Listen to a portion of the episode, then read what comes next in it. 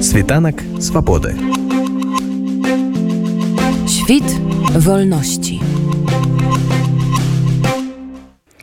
Нобелевскому лаўрэату прэміі міра гэтага году расійскаму аддзяленню міжнароднай арганізацыі мемарыал як іншым праваабарончым арганізацыям ва ўмовах сучаснай рассіі працаваць амаль немагчыма. Высокі ўзровень рэпрэсіі татальная забарона іншамыслення вымушае праваабаронцаў пераходзіць на новыя формы працы і быць крайне абачлівымі тым не менш адна з кіраўніц арганізацыі александра паліванова лічыць неабходным заставацца ў краіне у рассіі і не з'язджае нягледзячы на рызыкі аб, аб тым як ствараўся мемарыял і як праваабаронцы актывісты вымушаны працаваць зараз александра паліванова распавяла для світанку свабоды Здравствуйте, меня зовут Александра Поливанова, я из мемориала в Москве и веду э, довольно давно довольно большой проект, э, связанный с Москвой, ну, вернее, такой комплекс проектов, связанных именно с Москвой, целевая аудитория которых именно москвичи. Это топография террора в Москве, то есть мы изучаем э, все, что связано с советским террором в Москве, где он происходил, что сейчас с этими зданиями, как они мемориализированы, как устроены устроена память об этих местах, где есть мемориальные доски, где нет, где органы продолжают врать э, о том, что здесь было, где органы не хотят, э, там место расстрельный гараж в Москве, где было расстреляно около 15 тысяч человек в 30-е и 40-е годы. И э, никакой мемориальной доски на этом месте нету вообще. Просто полностью абсолютно рабочий гараж э, Федеральной службы безопасности сейчас. Ну и вокруг этого мы устраиваем какие-то мемориальные акции, акцию возвращения имен, например, в конце октября и, и, и так далее. И последние годы я еще занимаюсь отвечаю, в общем, за сеть российских организаций мемориала. То есть у нас есть сеть российских мемориалов, то есть организации во всех городах России, их э, там больше, чем в половине субъектов Федерации России, больше 40. Но тут важно, наверное, сказать, что мемориал вообще, международный мемориал и российский мемориал — это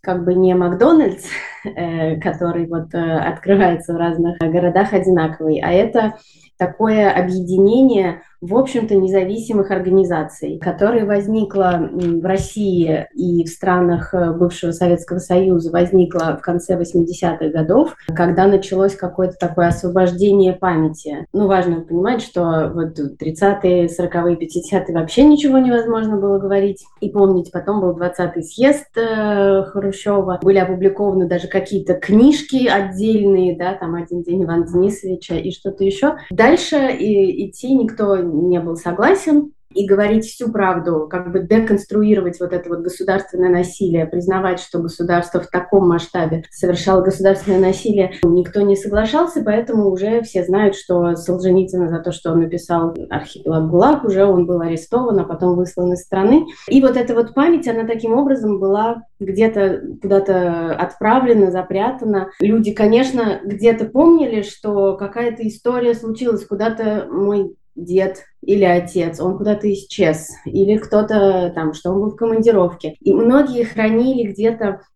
в глубине шкафа, на дне какой-нибудь тумбочки, хранили письма из лагерей или какие-нибудь документы, но как бы это не афишировали, и люди в анкетах там при приеме на работу не указывали, допустим, там, там биография родителей, да, и никто не писал, что дата смерти там 37 год, да, они не знали часто, а они писали там отец, ну, отсутствует или, может, ну, какую-то придумывали, в общем, другую причину, чтобы не оказываться стигматизированной группой. Освобождение этой памяти началось э, в конце 80-х годов, то есть тогда, когда началось политическое освобождение, освобождения. Я бы сказала, что из всех процессов, случившихся в перестройку, вот эта вот гласность, она была, заключалась, с одной стороны, в том, что, ну, как бы можно говорить, да, примерно все, что угодно, ну, хотя все равно не совсем все, ну, почти, печатать почти все, что угодно.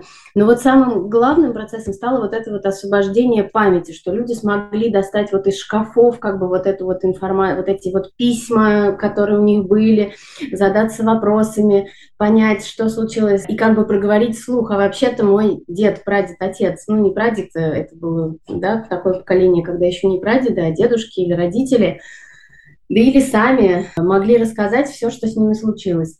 И вот, вот на этой волне освобождения и возникло общественное движение «Мемориал», которое хотело обозначить, что наша цель как бы не просто освободить эту память, да, не просто, чтобы эта память как бы стала открытой, а еще создать общедоступный архив, музей, библиотеку, документационный центр, мемориальный комплекс для того, чтобы постоянно осмыслять на много лет, что это произошло, как это произошло вообще, как такое случилось, что государство против собственных граждан развязало такой колоссальный террор от расстрелов до других форм ограничения свободы, лагеря, депортации, ссылки, все что угодно, но еще было очень много, даже те, кто не были арестованы, они были чудовищно ограничены в своих правах и были чудовищно не свободе, да, они были лишены избирательных прав многие, лишены религиозных прав, свободы вероисповедания, свободы высказывания, сам, ну и так далее. И вот хотелось создать такой большой смысловой, что ли, центр, как бы, да, для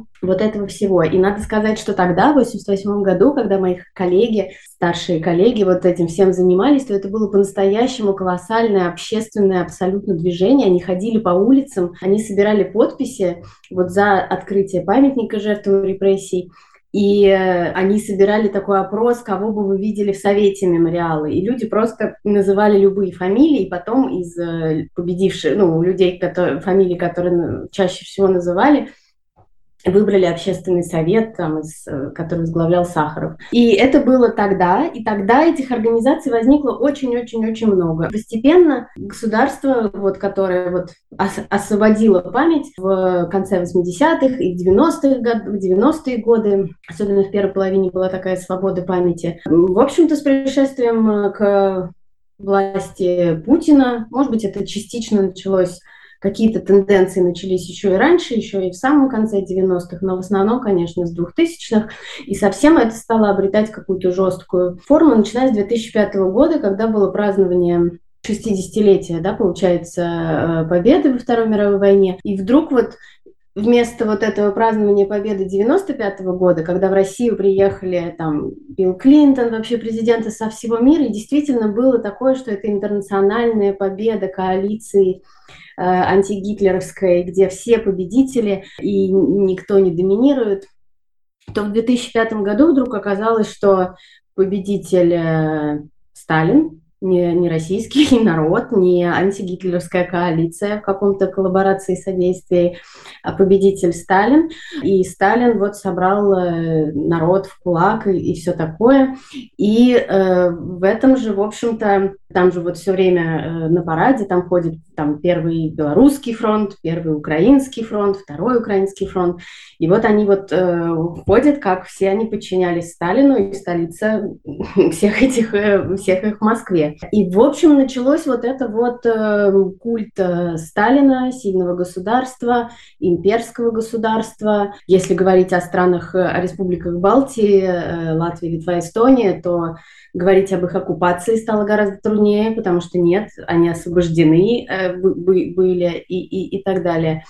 Вот, и, в общем, началось вот это вот построение вот этой конструкции сильного государства, в рамках которой говорить о том, что государство творило здесь на протяжении 70 лет становилось и становится до сих пор все труднее, труднее, труднее, труднее. Это притеснялось, это вытеснялось разными способами, это запрещалось как бы разными такими невидимыми способами, ну типа там снималось из программы каких-то фестивалей, запрещалось упоминать мемориал государственных учреждениях, которые, может быть, сами сотрудники самих государственных учреждений, государственных региональных музеев, там, библиотек, они все понимают, и как бы им хотелось э, сотрудничать с мемориалом, и у них живет какая-то локально-региональная память, но э, высшие органы, их там департаменты культуры и так далее, э, им это запрещали, и так вот постепенно это вытеснялось, вытеснялось, вытеснялось, и в конце декабря вот этот вот международный мемориал, сеть международного мемориала, которая координировала работу мемориалов в разных странах и городах России,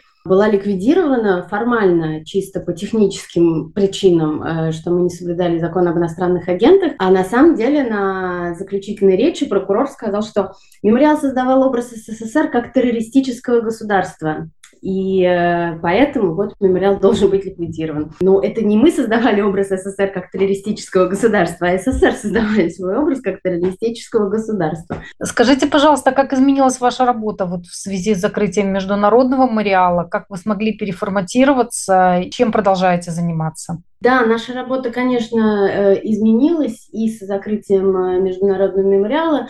Ну и, конечно, с началом полномасштабного вторжения в Украину и э, с введением 4 марта комплекса законов военной цензуры, по которым общество оказывается в ситуации, когда ну, в общем, с высказываниями у нас и раньше все было как бы очень туго, но э, свободы высказывания и до 4 марта. Но после 4 марта просто пространства для свободного высказывания нету вообще никакого. Ни на улице, ни в периодической печати, ни в личных страницах, ни даже, ну, есть много случаев, когда родители задерживали за то, что их дети в школе что-то говорили, что-то антивоенное, или люди подслушивали чужие разговоры, разговоры и писали доносы и, и, и так далее. Поэтому пространство для свободного высказывания не осталось э, ну, легально практически вообще никакого. А дались только как бы нелегальные и совсем частные безопасные э, пространства для свободного высказывания. Работать в этом контексте ну, чудовищно трудно, и мемориал оказался как бы в такой ситуации, что мы, поскольку мемориал — это такая сеть, как я говорила, большого количества организаций, у нас всегда были организации в Италии, Франции, Германии, Чехии, Украине, и эти организации, они ну, продолжают свою работу. Это не иммигрантские организации, это организации, как бы, которые организовали э, люди давным-давно или всегда жившие в этих странах, работали так или иначе, ну, либо с российской повесткой, либо своей, с российской повесткой как бы связаны со своими странами. В Чехии ну, работали с жертвами ГУЛАГа чехами, во Франции с э, французами и, и так далее. После ну, за последние полгода очень многие наши коллеги уехали из России, и они находятся в безопасном месте. Все продолжают работу. Я бы сказала, что таких людей, которые вообще перестали работать в мемориале, таких нету. Э, в смысле, все э, так или иначе продолжают работу. Другое дело, что форматы работы изменились, потому что люди работают э, из Европы или из других стран, из Кавказских республик, из э, Грузии, закавказских и э, Армении. Часть людей осталась в России, остается в России и считает важным работать в России. И, в общем, кажется, что это какой-то счастливилось, да, создать вот в этой тяжелейшей ситуации какой-то такой э, относительно устойчивую конструкцию, при том, что у нас есть люди, которые как бы ну, как-то стабильно себя чувствуют в Европе, да, которые там живут давным-давно. Есть люди, которые хорошо знают Россию, российский контекст, но только что вот недавно переехали в Европу. И есть люди, которые остаются в России и продолжают здесь, ища какие-то возможные формы, но работать у нас нету цели у всех там быть арестованными, ну, потому что это не суперэффективно. Нам как бы наша цель все-таки продолжать работу. Мы понимаем и отдаем себе отчет во всех рисках, стараемся там по мере сил их как-то э, не обострять, так скажем, эти риски. Э, но мы отдаем себе отчет, конечно, что в любой день все, э, все может стать для нас плохо, но тем не менее для нас важно работать в России, видеть Россию, видеть, что происходит с людьми, видеть, как люди реагируют, что люди думают. И, ну вот лично для меня просто моя работа, то, как она устроена, я говорила, что вот это московский проект и российская сеть мемориалов.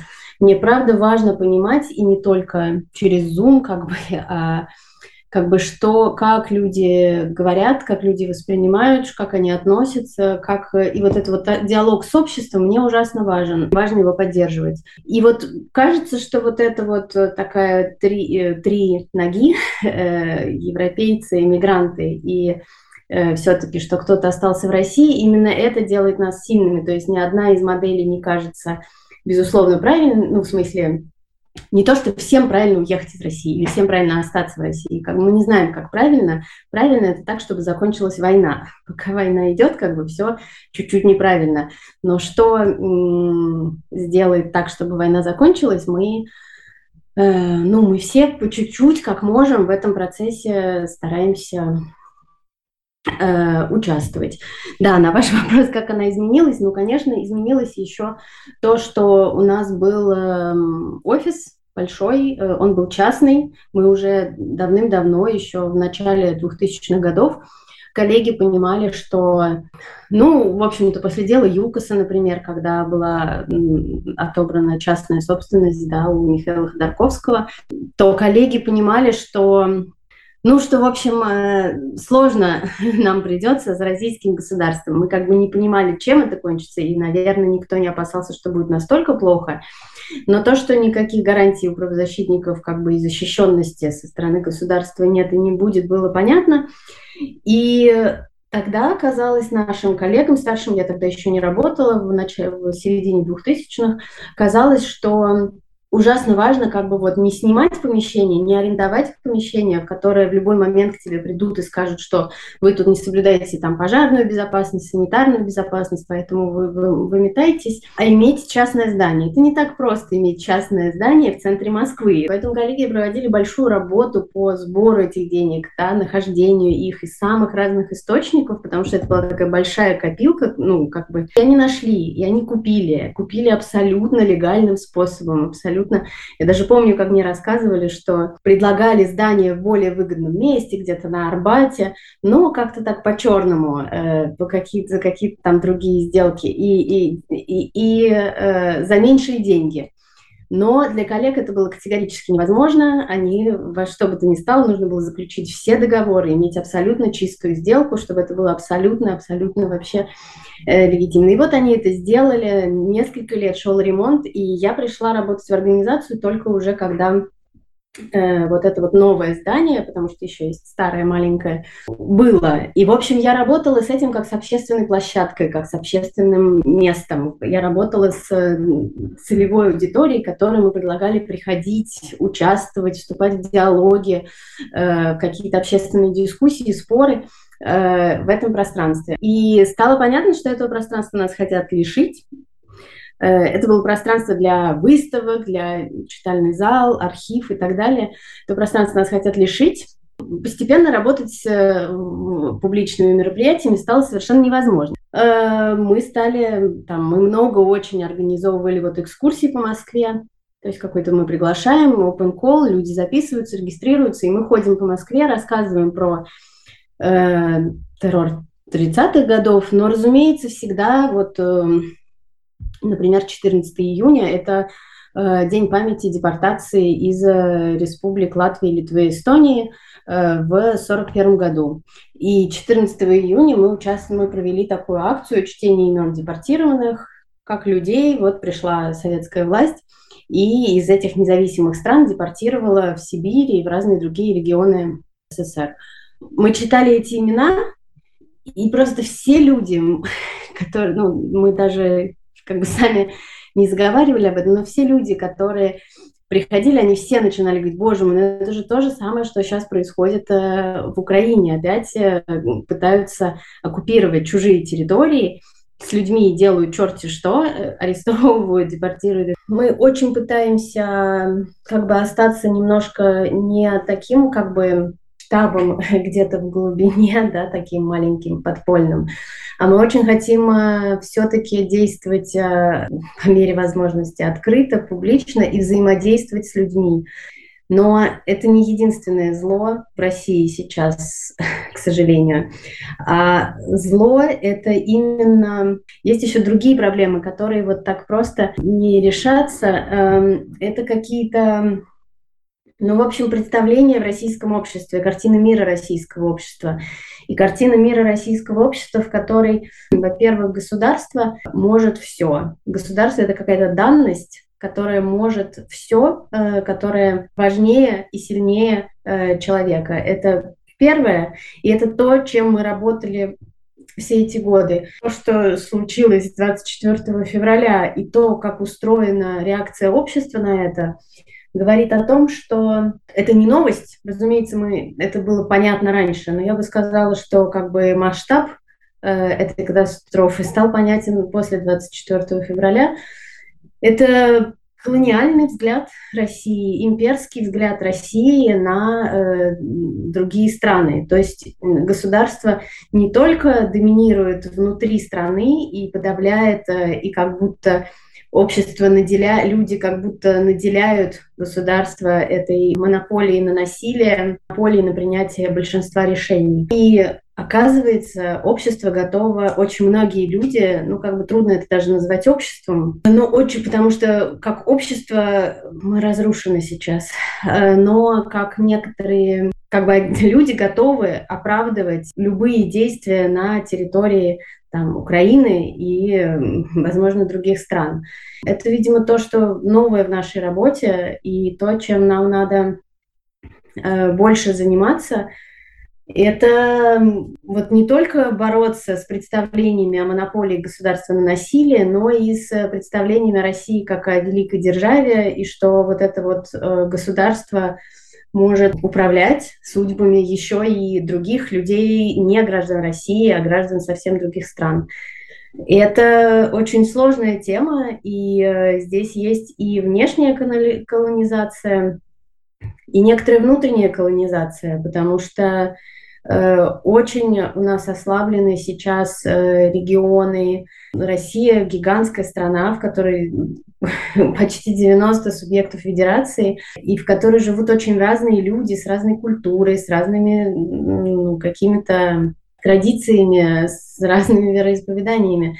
Но все это сейчас вот как бы унифицируется, и э, кажется, что работа с внутренней деколонизацией, она также и ну, будет способствовать и внешней деколонизации, и на, на наделение больше субъектности Украины, Белоруссии, э, Грузии, Армении, Латвии, Литвы, Эстонии и многих других стран. И как бы как-то ужасно важно уходить и бороться с вот этими общественными представлениями. И такие разговоры мы как бы э, вести, э, ну, как бы вот эту работу мы стараемся как можем продолжать.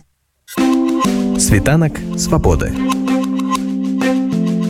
Świt wolności.